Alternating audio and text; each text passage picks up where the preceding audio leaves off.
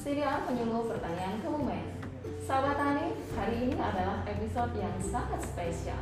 Dan sebelum saya mengenalkan tiga narasumber yang telah hadir bersama saya di sini, saya mengingatkan kepada sahabat tani semua bahwa kita harus tetap menerapkan protokol kesehatan, yaitu 3M.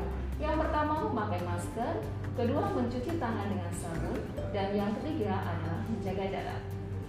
Oke sahabat tani, saatnya kita mengenalkan um, tiga narasumber yang sangat luar biasa hari ini. Yang pertama, beliau adalah Ibu Profesor Dr. Insinyur Sri Budi Wahyuningsi MP, beliau dari Universitas Semarang atau USM. Yang kedua dari Dinas Ketahanan Pangan Provinsi Jawa Tengah, beliau adalah Bapak Insinyur Ignatius Haryanto Nugraha MSI. Dan yang ketiga adalah Chef Ferry Angga, Beliau dari Persatuan Chef Profesional Indonesia atau PCPI. Kita sapa beliau langsung. Semangat pagi Bapak Ibu. Semangat, pagi. Semangat sekali. Senang sekali saya ada narasumber tiga narasumber yang semangatnya luar biasa. Oke, uh, Bapak Ibu, kita hari ini akan uh, membicarakan tema tentang diversifikasi pangan. Ya, sahabat tani, pangan merupakan kebutuhan dasar yang sangat esensial bagi kehidupan manusia untuk untuk mempertahankan kehidupannya. Meningkatnya produksi pangan yang dibarengi dengan meningkatnya jumlah penduduk ini akan memunculkan persoalan baru dan salah satunya adalah kekurangan pangan. Dan diversifikasi pangan adalah salah satu solusi yang saat ini dianggap paling baik untuk memecahkan masalah pemenuhan kebutuhan. Ya, Ibu Budi, uh, ini maaf saya panggil Ibu Budi ya. Uh, Bu Budi uh, bisa dijelaskan apakah itu diversifikasi pangan dan tujuannya itu untuk apa itu? Jadi diversifikasi pangan itu adalah merupakan salah satu cara atau usaha untuk menggali potensi berbagai sumber daya alam yang ada di wilayah Indonesia terutama ya karena kita berbicara di di Indonesia kita tahu bahwa Indonesia kaya dengan berbagai hasil pertanian, hasil perikanan, hasil peternakan, dengan berbagai sumber aneka tanaman, aneka hewan yang begitu banyak. Nah, kalau kita hanya bergantung pada satu dua komoditas dengan jumlah penduduk yang begitu banyak, tentunya kan tidak akan mencukupi. Sehingga potensi-potensi yang ada itu perlu kita gali, dimanfaatkan, dikenalkan kembali dengan masyarakat sehingga nanti masyarakat akan biasa untuk mengkonsumsi berbagai uh, aneka pangan dari seluruh wilayah uh, sesuai dengan potensi yang ada di daerahnya masing-masing. Seperti contoh misalnya untuk sumber karbohidrat. Kita tahu selama ini Indonesia adalah salah satu negara yang bergantung pada makanan pokok nasi atau beras ya konsumsinya per tahun hampir sekitar 100-an 120 130 kg per kapita per tahun. Pada di negara-negara Asia yang lain itu hanya sekitar 60 sampai 70 kg per kapita per tahun. Jadi demikian apa tergantungnya kita kepada beras sehingga kita perlu menggali sumber karbohidrat yang lain. Ada ubi kayu, kita punya ubi kayu, punya talas, punya sagu, punya jagung dan yang lain-lain yang tidak kalah juga dari sisi gizi dan sebagainya sehingga itu perlu digali kemudian nanti dikenalkan kembali kepada masyarakat diolah menjadi aneka hidangan yang uh, cita rasanya juga uh, sesuai dengan cita rasa masyarakat Indonesia dan harapannya bisa mencukupi kebutuhan untuk pangan uh, masyarakat Indonesia. Dan dari sumber-sumber yang lain termasuk ada protein kemudian vitamin mineral kan kita mengenal ada lima unsur gizi ya karbohidrat, protein, uh, lemak, mineral, uh, vitamin dan air ya tentu saja. Nah itu nanti di, digali dari berbagai potensi yang ada di wilayah tanah air. Dan uh, ini untuk makanan lokal pengganti beras, sumber karbohidrat pengganti beras itu kan ada uh, setahu saya itu ada beberapa komoditas yeah. lokal. Itu apa yeah. saja ini Bu? Yang ada khususnya kalau misalnya di Jawa Tengah ya yang banyak ya ubi kayu, ubi kayu. jagung ya. E, kemudian mungkin kentang ya. Sagu itu di luar Jawa Tengah tapi sagu juga jumlahnya banyak. Karena kalau dari urutan apa jumlah itu memang di bawah beras itu ada tiga tiga kalau tidak salah ada sagu ada jagung ubi kayu.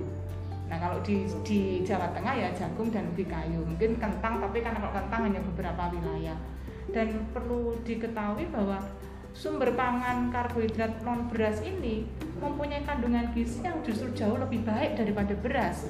Mengandung pati resisten yang sangat tinggi dan perlu diketahui bahwa pati resisten ini adalah salah satu komponen fungsional. Komponen fungsional adalah satu salah satu komponen yang kalau dikonsumsi akan memberikan dampak kesehatan. Rata-rata mempunyai indeks glikemik yang rendah dibandingkan dengan nasi atau beras. Jadi kalau indeks glikemik itu adalah suatu indeks yang mencerminkan tingkat penyerapan makanan. Jadi kalau beras kalau kita makan kan langsung diserap dalam tubuh meningkatkan kadar glukosa darah. Kalau yang sumber karbohidrat lain justru malah tidak gitu. Sehingga apa namanya dengan mengenal fungsinya, mm-hmm. nah, harapannya kan masyarakat mau untuk setidaknya ya mengganti mungkin tidak total ya tapi mengganti sebagian lah untuk saja. mengurangi nasi tadi diganti dengan sumber karbohidrat yang lain. Sebab kalau tidak ada fungsi utama yang kita tonjolkan biasanya susah. Hmm. sudah kulino makan nasi disuruh ganti singkong misalnya, hmm. yang rasanya notabene kalau tidak pintar mengolah kan jelas, uh, jelas tidak enak ya, yang lebih enak nasi ya itu sehingga kita tonjolkan sisi fungsionalnya sehingga harapannya masyarakat akan tahu bahwa oh ternyata ini lebih sehat, lebih apa memberikan dampak kesehatan yang baik. Oke, okay. Dan ternyata uh, sumber pangan lokal yang selain beras, non beras itu kandungan gizinya bisa lebih tinggi juga ya, Budi. Uh, kalau dari sisi karbohidratnya mungkin seimbang, kalau tapi ada tambahan, tambahan tambahan nilai fungsionalnya yang tadi. Nilai fungsional tadi. Iya. Ya.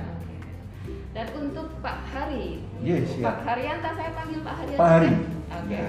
Pak Hari dari Dinas Ketahanan Pangan Provinsi Jawa Tengah.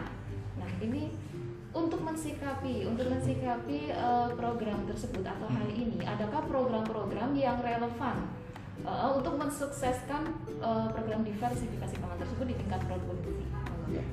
baik terima kasih mbak jadi kalau kita berbicara dalam arti luas tentang ketahanan pangan ya. ada tiga sistem di situ dari sistem ketersediaan hmm. keterjangkauan dan diversifikasi pangannya ketersediaan di Undang-Undang 18 tahun 2012 tentang pangan di situ disebutkan bahwa memang e, pemerintah wajib hadir dan menjamin ketersediaan pangan sampai ke tingkat rumah tangga dalam jumlah yang cukup ya. dan itu makan tidak hanya sekedar untuk kenyang saja tapi perlu adanya suatu kandungan gizi yang harus komplit yang harus dikonsumsi oleh masyarakat karena memang tujuan utama kita mengkonsumsi itu ada tujuan terakhirnya goalnya itu untuk menciptakan masyarakat yang sehat, aktif dan produktif. Itu dari ketersediaan, keterjangkauan iya, keterjangkauan jangan sampai bahwa ada bahan tapi masyarakat tidak bisa menjangkau karena harganya terlalu tinggi. Atau memang secara fisik sulit didapat. Sehingga memang di sinilah juga peran bagaimana setiap daerah itu ditetapkan komoditas-komoditas pangan lokal strategis sesuai dengan potensi masing-masing. Dan yang tidak kalah penting yang tadi sistem untuk diversifikasi pangan itu memang harapan kita bahwa kita jangan tergantung tadi beras. Karena berdasarkan hasil susenas tadi betul sampaikan Bu Budi konsumsi beras kita itu sudah sangat tinggi. Dari yang standar harusnya cuma 50% sekarang itu sudah di angka 64,4% Sementara kalau kita ingin mencapai skor pola pangan harapan, itu konsumsi beras sudah sangat mentok. Tetapi yang komponen bahan pangan yang lain, misalnya umbi-umbian, kemudian sayur buah, protein hewani, minyak, kacang-kacangan dan sebagainya itu masih rendah. Itu yang kita dorong, termasuk itu salah satu upaya uh, menggali potensi-potensi pangan lokal sesuai dengan potensi daerah masing-masing kalau di Indonesia Timur di sana sagu ya sagu. Di Jawa Tengah kebetulan ada yang disebutkan Bu Budi secara nasional itu sudah ditetapkan enam komoditas utama pengganti beras atau nasi. Ya, tadi ada sagu, ada singkong, ada pisang, ada kentang, ada jagung, dan juga ada sorghum mungkin talas. Oh, talas. Ya, talas. Ya, talas. Tetapi juga tidak mengecilkan sumber pangan yang lain jadi yang utama itu dikembangkan itu, kemudian yang keunggulan spesifik masing-masing daerah masih boleh dikembangkan. Misalnya sorghum, ada ya kalau di Jawa itu ada macam-macam apa polo hijau yang lain ganyong, ero dan sebagainya tetap bisa dikembangkan. Karena tadi memang ada keunggulan misalnya dari angka glikemiknya itu cukup rendah sehingga memang aman untuk misalnya yang para penderita diabetes dan sebagainya. Jadi kita juga menonjolkan dari sisi eh, dari eh, tadi sisi kemanfaatan dari ini. Di hashtag kita mulai tahun ini untuk dinas untuk ketahanan pangan kenyang nggak harus nasi. Kenyang nggak harus nasi. Kenyang nggak harus nasi. Jadi bukannya kita anti nasi, tapi bagaimana tadi yang angka 64% itu kita turunkan maksimal sampai ke 50, kita substitusi dengan bahan-bahan yang lain. Ya, itu untuk mewujudkan eh, pola konsumsi yang beragam, bergizi seimbang dan aman. Oke, Pak Hari, terima kasih. Jadi tadi makan eh kenyang tidak Kenyang nggak harus nasi. Eh, karena eh, konsumsi nasi kita sudah Sangat sampai tinggi. angka ke 64 4%. persen dan ini diharapkan agar turun sampai maksimal, Maksimal ke angka 50. 50 persen. Hmm. Nah, ini untuk bahan pangan lokal pengganti nasi atau Hmm. pengganti beras itu kan yang notabene mohon maaf ini ya rasanya atau cita rasanya itu tidak seenak nasi. Hmm. Bukannya tidak enak, tapi tidak seenak nasi. Nah, mungkin ini uh, harus ada olahan-olahan tertentu ya. Dan ini bagiannya Mas Chef Jupri mungkin. Oke, ini Mas Chef atau Pak Chef ini? Saya manggilnya Chef aja kan Mas ya? aja biar kelihatan mudah. Oh, Oke, oke, Mas aja.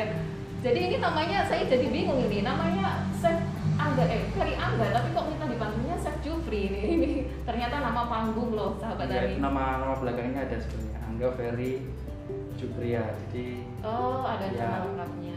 nama belakang saya jadikan sebagai nama nama kuliner Oke, Chef Jupri, saya menanyakan tadi kan sudah disebutkan oleh Bapak dan Ibu, Bapak dan Ibu bahwa pangan lokal sebagai pengganti beras ada beberapa komoditas yang unggulan tadi ada enam unggulan eh, pangan lokal di Indonesia yang notabene mohon maaf rasanya tidak seenak nasi. Apakah ada trik-trik khusus untuk mengolah bahan pangan tersebut, bahan pangan tersebut agar bisa dinikmati oleh berbagai kalangan, misal dari anak-anak pun nanti suka gitu.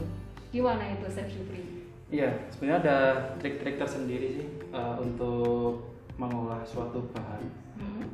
Eh, sebagai pengganti nasi itu seperti yang dicontohkan oleh Pak Hari tadi ada beberapa item eh, sebagai pengganti beras itu misal contoh aja yang ada depan kita itu adalah pengolahan talas Talas. atau disebut dengan keladi iya keladi Yang di kalau di bahasa kuliner itu jarang sekali penggunaan nama talas biasanya Apa dengan bahasanya? keladi Oh keladi. iya Keladi bukan daunnya gitu. keladi Saya kira daunnya aja yang namanya keladi. keladi eh, talas keladi itu eh, kalau di dunia kuliner sebenarnya bisa dibuat bermacam-macam eh, olahan makanan dari makanan berat atau disebut main course bisa. Bis- dibuat appetizer bisa. Dibuat dessert apalagi bisa. dibuat eh, sup mungkin juga bisa. Tergantung dari pengalaman ya? iya Daunnya dari karena dari eh, kita contohnya talas dari daun sampai akar itu berguna.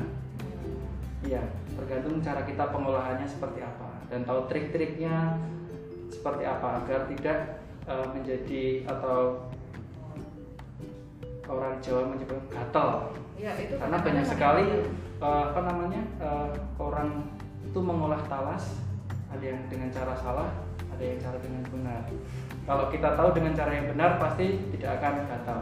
Tapi tidak menutup kemungkinan juga kalau sudah punya alergi Hmm. udah meskipun udah diolah apa pun dengan Tetap cara aja. apa pun kalau emang gatal ya udah gatal Berarti penting juga untuk mengenali diri kita sendiri, kondisi kesehatan kita. Iya, jadi tidak kita uh, tidak sembarangan uh, tidak sembarangan makan ini makan ini, tapi kita harus tahu kita tahu uh, apakah kita alergi atau enggak, kita cocok dengan makanan itu apa enggak seperti itu. Dan kembali lagi untuk pengolahannya uh, bisa banyak sekali seperti yang saya contohkan tadi untuk contohnya talas ke main, ke main course bisa dibuat seperti yang di depan ini ini jadi eh, nasi bakar ya. Nasi bakar yang terbuat dari talas dibuat sebab dengan beras. Ini tadi yang dengan beras pak. Beras talas.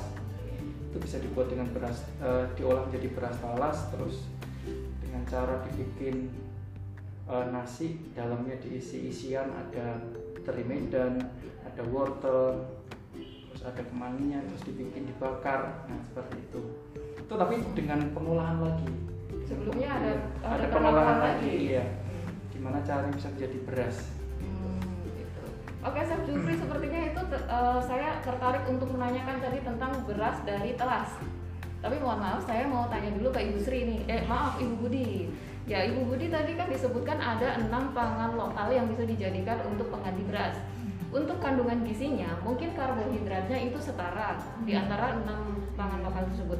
Cuman untuk kandungan tambahannya itu ada nggak sih urutan yang paling atas, yang paling bagus, misal atau yang keduanya apa, ketiganya apa, sehingga kita tahu itu yang paling eh, utamakan kita konsumsi apa dulu gitu. Jadi kalau yang mau setara dengan nasi atau beras itu jagung Oh, jagung. dari sisi protein ya sebenarnya ada satu gandum tapi gandum kan bukan bukan Ya. produk Bukan kita, kita. ya. Jadi kalau kita makan nasi dengan jagung itu gizinya hampir setara, seimbang. Tapi kalau kita mengganti dengan sumber karbohidrat yang lain kayak misalnya tadi ubi kayu, talas, kentang, nah kita harus menambah porsi protein karena di bahan-bahan ini proteinnya Kurang. sangat rendah, Rendah. ya.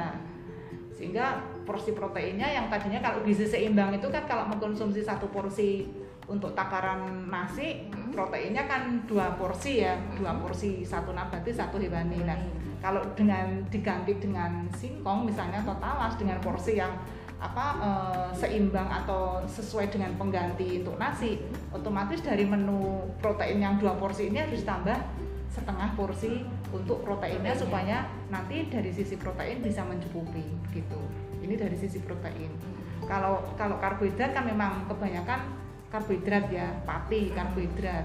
Kemudian ada satu yang tadi saya sebutkan yaitu ada pati resisten. Hmm. pati resisten itu terbentuk karena pengolahan. Dan ini biasanya pada talas pada Singkong. singkong, pada jagung sagu yang paling bagus sagu. Kebetulan sagu kan saya juga melakukan penelitian sagu. Sudah terbukti bahwa pada proses pengolahan pembuatan beras analog itu terbentuk pati resisten. Dan diketahui pati resisten itu dari hasil riset bisa bersifat hipoglisemik dan hipokolesterolemik dapat menurunkan eh, gula darah maupun kolesterol itu. Itu dari sisi apa eh, karbohidrat dan gizi. Tapi perlu diketahui juga bahwa beberapa sumber karbohidrat itu ada komponen yang harus diketahui karena berdampak tidak baik kalau kita nggak tahu. Contoh misalnya singkong. Singkong. singkong itu ada komponen cyanida. Uh, beracun kan cyanida. Jadi harus tahu bahwa masyarakat kalau ingin mengolah singkong langsung harus dicari ubi kayu yang kandungan cyanidanya rendah. Rendah. jadi kalau rendah itu kan harus di bawah 50 ppm ya. Kemudian kalau tinggi itu antara 50 sampai 80 sangat tinggi 80 di atasnya itu sehingga harus kita kalau misalnya diolah jadi tepung kayak misalnya tepung moka tepung tapioka misalnya bisa menggunakan varietas yang pahit. Karena ada proses perendaman, ada proses pengeringan, di situ bisa mengurangi ataupun bahkan menghilangkan komponen cyanida. Jadi jangan sampai nanti kita mengganti pangan lokal tapi justru malah dampaknya efek keracunan Ya, begitu. ya, Karena juga apa namanya eh, HCN ini kalau terakumulasi di dalam pangan eh, dalam pangan pangan yang siap dikonsumsi kalau kandungan HCN-nya ada di atas 10 ppm ini standar FAO itu bisa berdampak pada gangguan penyerapan yodium dan protein ini bisa menyebabkan ibu hamil menjadi apa namanya melahirkan bayi-bayi yang kerdil, bodoh, cacat. Nah, itu kan juga berbahaya sehingga ini harus diketahui oleh masyarakat bagaimana cara mengolahnya, cara menghilangkan komponen-komponen yang mungkin berbahaya atau merugikan sehingga bisa untuk dihilangkan. Karena sebenarnya kan mudah menghilangkan hasil itu caranya mudah. Dengan perendaman dengan garam dengan kapur dengan basa itu dia bisa hilang. Termasuk misalnya tadi talas. Ada komponen gatal. Ada kals- eh, kalsium oksalat. Nah itu harus di diikat dengan natrium klorida Garam. nah itu sangat sangat mudah sekali. Jadi memang harus tahu apa sih komponen penghalang yang ada di dalam bahan baku. Walaupun tidak semua ya kayak jagung kan enggak aman ya, seperti kentang juga enggak. Jadi ada beberapa saja yang harus tahu eh, bagaimana karakter bahan yang mau kita pakai untuk mengganti substitusi nasi itu. Oke, terima kasih informasinya. Jadi sahabat tani ternyata pangan lokal pun kita tidak bisa asal mengolahnya gitu. Seperti tadi singkong itu kan ada kandungan dari HCN-nya itu sendiri dan harus dihilangkan. Tetapi itu ada beberapa varietas itu kan Iya. kandungan HCN-nya tidak Berbeda-beda, sama. iya. Ada yang varietas manis, pahit, semi pahit. Kalau yang manis kan cukup direndam aja sebentar, misalnya, eh, biasanya setengah hari begitu, nah baru nanti diolah. Karena tetap HCN-nya harus diturunkan sampai pada batas yang aman. Jadi kalau produk dari bahan baku singkong, standar FAO adalah di bawah 10 ppm. Eh, 10 ppm. Oke, jadi tetap ini perlu uh, edukasi bagi masyarakat Iya. kita ya, walaupun terlihatnya itu sangat gampang. Kemungkinan untuk yang uh, masyarakat yang sudah terbiasa dengan makanan dari singkong itu sudah tahu ya, tapi kan ada beberapa yang mungkin belum tahu bagaimana cara menghilangkan sianida atau cara mengolah dengan baik gitu ya. Oke, untuk Pak Hari. Pak Hari ini untuk program-program dari Provinsi Jawa Tengah misalkan, ini kan ada beberapa atau mungkin eh, ada beberapa inovasi-inovasi di bidang ketahanan pangan. Misalkan ada produk-produk dari bahan pangan lokal yang sudah diolah atau kita sudah eh, istilahnya sudah instan gitu. Ada beberapa misalkan di Kabupaten Kebumen ada beras mutiara gitu. Ada lagi nggak ini di kabupaten lain nih ada inovasi yang mungkin sahabat tani belum tahu? Banyak banget nggak? Oh banyak banget ternyata. Banyak banget. Ya, sebetulnya kalau kita menengok ke belakang, Hmm. itu memang Indonesia luar biasa. Potensi sumber daya genetik tanaman itu luar biasa. Hmm. Nomor dua terbesar setelah Brasil. Kemarin saya barusan ke Biogen Bogor. Hmm. Ternyata kami dikasih lihat di sana bahwa yang namanya talas dan keladi itu ada lebih dari 180 jenis. Iya. Kemudian ubi jalar Eh. itu lebih dari 300 jenis. Singkong itu ada lebih dari 800 jenis. Se Indonesia. Satu Indonesia. Satu Indonesia. Potensinya luar biasa, ya. Potensinya luar biasa. Kemudian ya tadi memang pangan-pangan yang tadi pengganti nasi tadi ada fungsional, memang ada analoginya ya. Misalnya bahwa kita mengkonsumsi 100 porsi nasi itu kurang lebih 3 per 4 gelas 100 gram itu untuk menghasilkan 175 kilokalori. Itu nanti setara bisa dengan diganti dengan tiga buah tiga buah jagung segar sedang seberat 125 gram. Itu nanti setara dengan 125 gram. Kemudian kalau singkong itu 120 gram itu setara dengan tadi 100 gram nasi, Nasi. kemudian ubi jalar 135 gram. Kemudian talas itu 125 gram. Kemudian kentang itu 210 kilo, eh, jadi tergantung daerah itu memiliki eh, potensi. Karena tadi dari sisi keterjangkauan itu jangan sampai nyari-nyari bahan pangan yang tidak ada di daerah akhirnya harganya tinggi. Kemudian program kami di Jawa Tengah memang kita terus mengembangkan kegiatan diversifikasi pangan pengolahan pangan lokal. Tahun ini kita memfasilitasi ada 35 pelaku usaha pangan lokal yang kita coba naikkan kelasnya dari ya industri rumah tangga yang belum ada apa-apa, belum ada PRT, kemudian kita dampingi melalui pelatihan-pelatihan walaupun secara online. Tapi walaupun pelatihan secara online, narasumbernya luar biasa juga. Ada Sandiaga Uno dan sebagainya mereka yang sudah berhasil dan sebagainya. Ada 35 dengan keragaman pangan lokal yang beraneka ragam. Ya, beraneka. Di sini ada beras analog. Hmm. Iya. Kemudian di mana Banjarnegara itu ada tepung mokap, ada tepung kerut, tepung garut, ada yang di Wonosobo dan sebagainya itu tiwul instan dan sebagainya. Hampir setiap daerah memiliki potensi-potensi pangan yang luar biasa. Itu dari sisi eh, diversifikasi pangan kita, pendampingan. Nah, upaya kita untuk meningkatkan diversifikasi pangan tadi memang kita melalui kegiatan komunikasi, informasi dan edukasi dengan berbagai media informasi yang ada. Ya kita setiap hari Jumat itu ada pasar mitra tani. Hmm. kita mengolah satu jenis produk pangan lokal itu kita bagikan gratis kepada pengunjung. Dan pengunjung memberikan respon dengan berbagai varian. Kemudian termasuk salah satunya nanti kita juga menyelenggarakan lomba diversifikasi pangan lomba cipta menu tingkat Jawa Tengah itu Seperti juga. ini ya, Pak, ya? iya nanti untuk ini kan persiapan untuk maju tingkat tingkat Jawa Tengah itu Oh, nanti. gitu. Oh, iya komunikasi edukasi termasuk juga eh, kita setiap hari Selasa itu juga ada siaran melalui pro, pro 4 MRFD juga mungkin termasuk melalui kegiatan sosial budaya wayang orang dan sebagainya.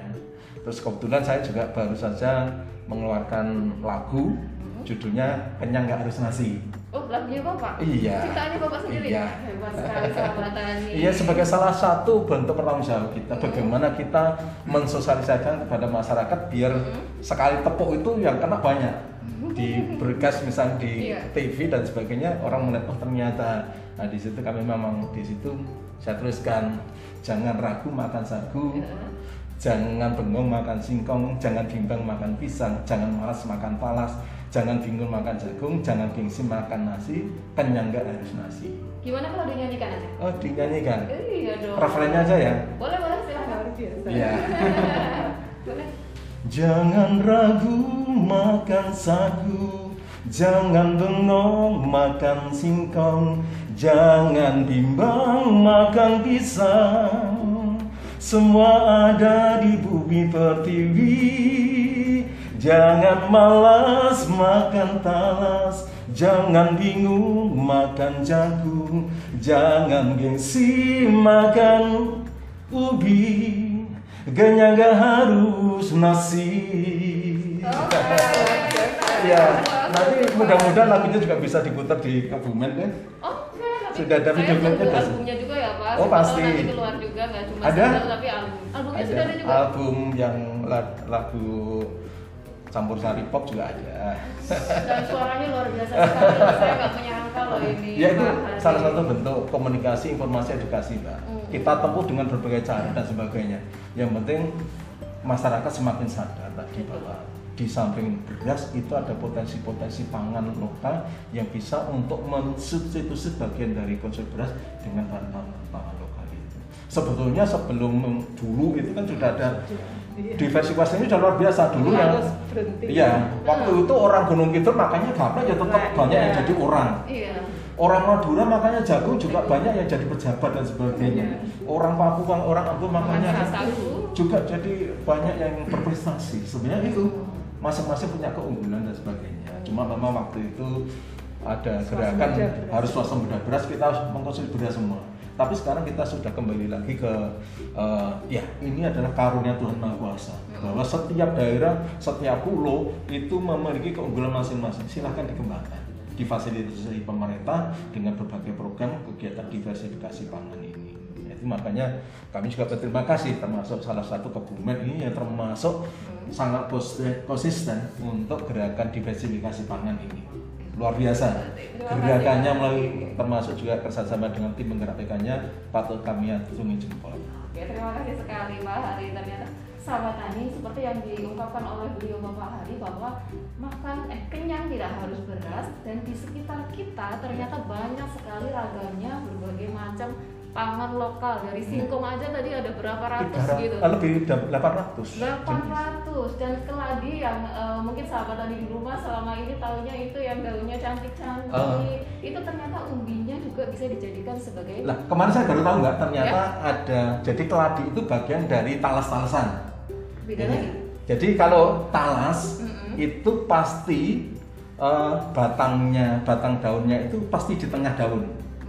Dan umbinya cuma satu. Satu. Kalau keladi itu batangnya di pucuk ini, pucuk segitiganya itu di situ. Kemudian umbinya pasti lebih dari satu. Itu membedakan talas dan tapi itu masuk ke jenis talas-talasan. Ya, kemarin saya baru tahu dari biogeni itu perbedaan antara talas dan keladi. keladi. Ya. Tapi kalau, kalau untuk yang keladi sendiri itu bisa dikonsumsi tidak? bisa, Umbinya? bisa, juga? ya entek dan sebagainya itu kan termasuk keladi. Mm-mm. ya dan sebagainya itu bisa dikonsumsi. Bahkan di Kalimantan Tengah itu ada informasi yang ada umbi atau keladi itu karena asam oksalatnya cukup rendah itu mentah langsung bisa dikonsumsi.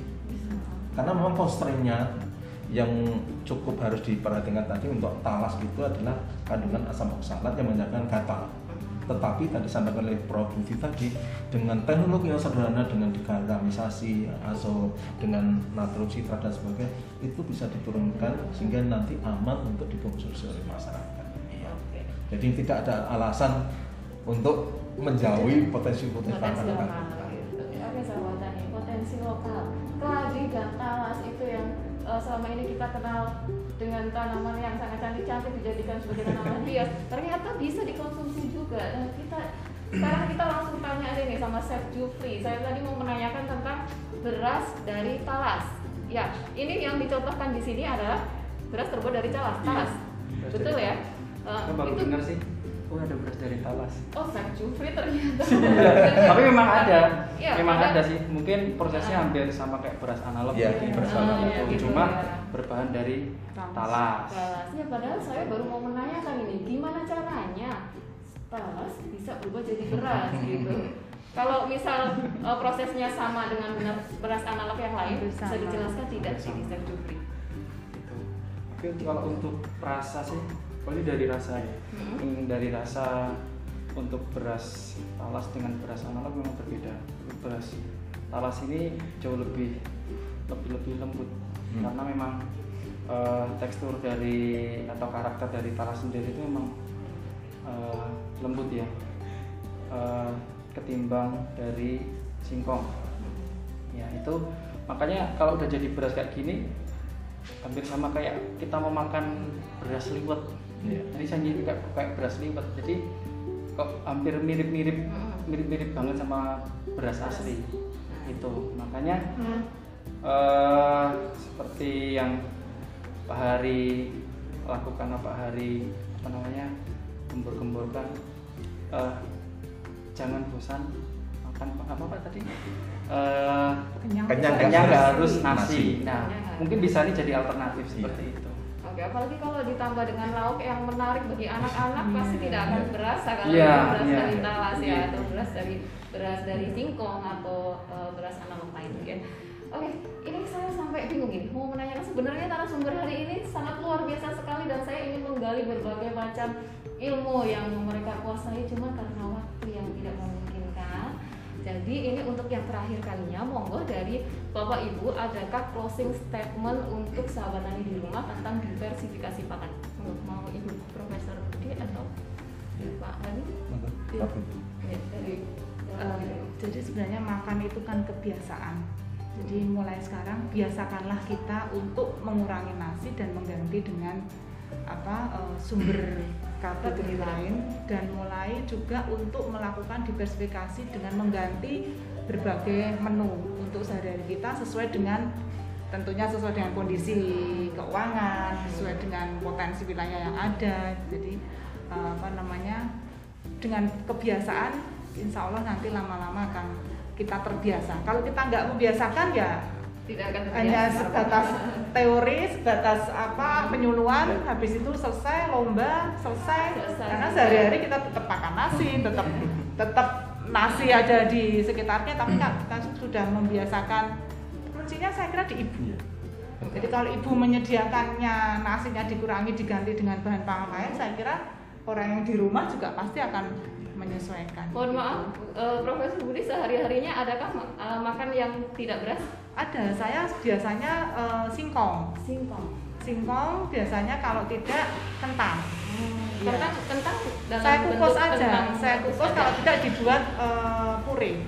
Apa, Dibuat mashed potato, mashed potato itu jadi Oh, kentangnya ah. dikukus kemudian Dikukus, ditumbuk, tumbuk. diolah sedikit kasih susu, kalau Hmm. untuk anak-anak ya kasih keju, itu nanti kasih daun seledri gitu, dimasak sebentar, terus sudah sebagai pengganti nasi, dimakan dengan ikan dipanggang di Iya. daun apa sayur-sayuran brokoli dicas sebentar, sudah cukup untuk porsi kita mengkonsumsi itu. Saya- Bahkan tidak usah pakai nasi, cukup kentang. kenyang ya? Sudah kenyang. Eh, Terus kalau misalnya eh, pagi gitu saya nasi kan paling hanya 1-2 sendok. Hmm. Nanti saya makan eh, tapioka itu saya buat bubur bubur sagu, bubur bubur tapioka sagu. ataupun bubur garut. Hmm. Itu saya buat bubur nanti saya ganti untuk pengg- pengganti nasi yang penting kita tahu bahwa itu cukup untuk porsi kita sebagai sumber karbohidrat karena karbohidrat tidak bisa dihilangkan Mm. karena merupakan sumber energi yang wajib dibutuhkan oleh tubuh kita walaupun dalam jumlah yang apa Sedikit. dikurangi sedikit jadi kalau eh, sekitar 40 kalau dulu kan 60 ya Pak Ari ya sekarang kan cukup 40 40 sudah cukup. dari kebutuhan kalori sehari Oke, ternyata Profesor Budi juga tidak hanya bicara saja, tetapi juga mempraktekkan sahabat tani. Dan kalau tadi lauknya enak-enak, ada ikan, ada apa itu juga kan pasti menarik untuk anak-anak ya. Ya. Dan untuk Pak Hari sendiri, Iya. sehari-harinya makan apa ini? Iya. Saya sudah beberapa bulan untuk merubah pola hidup saya termasuk kalau konsumsi saya enggak terus terang yang saya biasanya itu sehari tiga kali makan nasi. Mm-mm. sekarang kadang-kadang memang sehari tidak makan nasi tapi saya ganti. Sarapan itu saya pisang raja dua itu saya apa itu namanya saya dengan mentega sedikit aja. Kemudian dipanggang ya panggang nanti kasih keju sama madu. Ya. Kemudian siang hari itu saya karena hobinya sayur-sayuran Hmm. siang hari saya konsumsi eh, makanan sayuran yang aneka warna yang utama itu gado-gado gado-gado tanpa lontong tanpa ketupat Tanpa bumbu kacang juga? oh kalau kebuwe iya Oh, tapi iya. mengurangi yang tadi Nggak jadi gado-gado berarti ya Pak ya? mengurangi nggak ada lontong sama Mm-mm. lontong itu kan long rice nasi panjang Nasi panjang. Iya. Kemudian kalau malam hari itu saya biasanya juga hanya konsumsi buah dan sebagainya. Dan ternyata memang dampaknya kemarin sama berat badan saya sudah di atas yang ideal sudah 88 sekarang berapa bulan ini saya sudah turun sudah di bawah 80 dan sekarang aktivitas juga nyaman Ya. Dan di badan rasanya juga lebih enak Iya, mungkin ya, aktivitas ya? kita juga ringan dan sebagainya, tidak mudah lelah dan sebagainya. Di samping karena tadi ada sumber-sumber yang lain yang memang bisa untuk proses regenerasi di dalam tubuh saya. Jadi saya pesan kepada teman-teman sahabat tani ya, Ya, sahabat tani. Betul. sahabat tani di Kabupaten Kebumen maupun di mana pun berada. Jadi mari kita syukuri potensi-potensi pangan lokal yang ada di sekitar kita Mhm. jangan gengsi untuk makan makan pangan lokal Hmm. ya karena di situlah kita bisa satu membantu pemerintah untuk menurunkan angka devisa kalau impor beras terus devisa pasti keluar dan sebagainya Yang kedua ya memang ada unsur-unsur yang memang sebetulnya sudah terbentuk sejak zaman nenek moyang dulu yang namanya makan di mana-mana ya pasti berbeda-beda kita kembali ke kembali pada karunia Tuhan Yang Maha Kuasa. Setiap daerah sudah dikaruniai potensi sumber-sumber pangan lokal yang ada. Sehingga jangan malu, jangan gengsi untuk makan memakan konsumsi pangan lokal. biasakan ya Dan membiasakan. Ya memang itu pola hanya perilaku. Memang pada waktu saya memulai untuk merubah pola perilaku konsumsi saya, Mhm. Saya butuh penyelesaian setelah dua dua minggu. tiga bulan Pak Iya, saya dua minggu, Dua minggu sudah. sudah. Dalam artian ya memang saya masih konsumsi nasi kadang-kadang dua kali dan sebagainya. Sampai waktu itu sempat pusing, buyur dan sebagainya. Kaget dulu Iya, ya, kaget ya? dulu. Nah sekarang ternyata dengan penyesuaian-penyesuaian itu sekarang misalnya dua tiga hari nggak makan nasi juga nggak masalah. Sepanjang kalau kebutuhan karbohidratnya terpenuhi dengan dari substitusi yang pangan-pangan walaupun kita harus mengurangi nasi, sumber karbohidrat dan yang lainnya, tetapi yang konsu- yang kita konsumsi harus tetap B2SA. Iya. tetap Beragam, bergizi seimbang dan tentunya aman.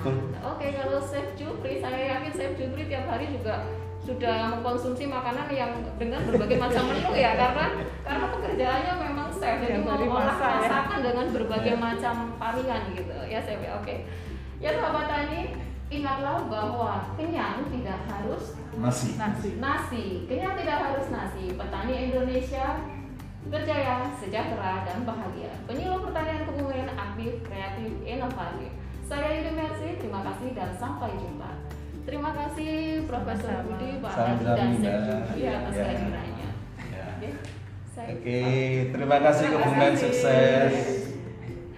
Oke, matur nuwun Sampun? ya, Bapak Ibu Iya. ya.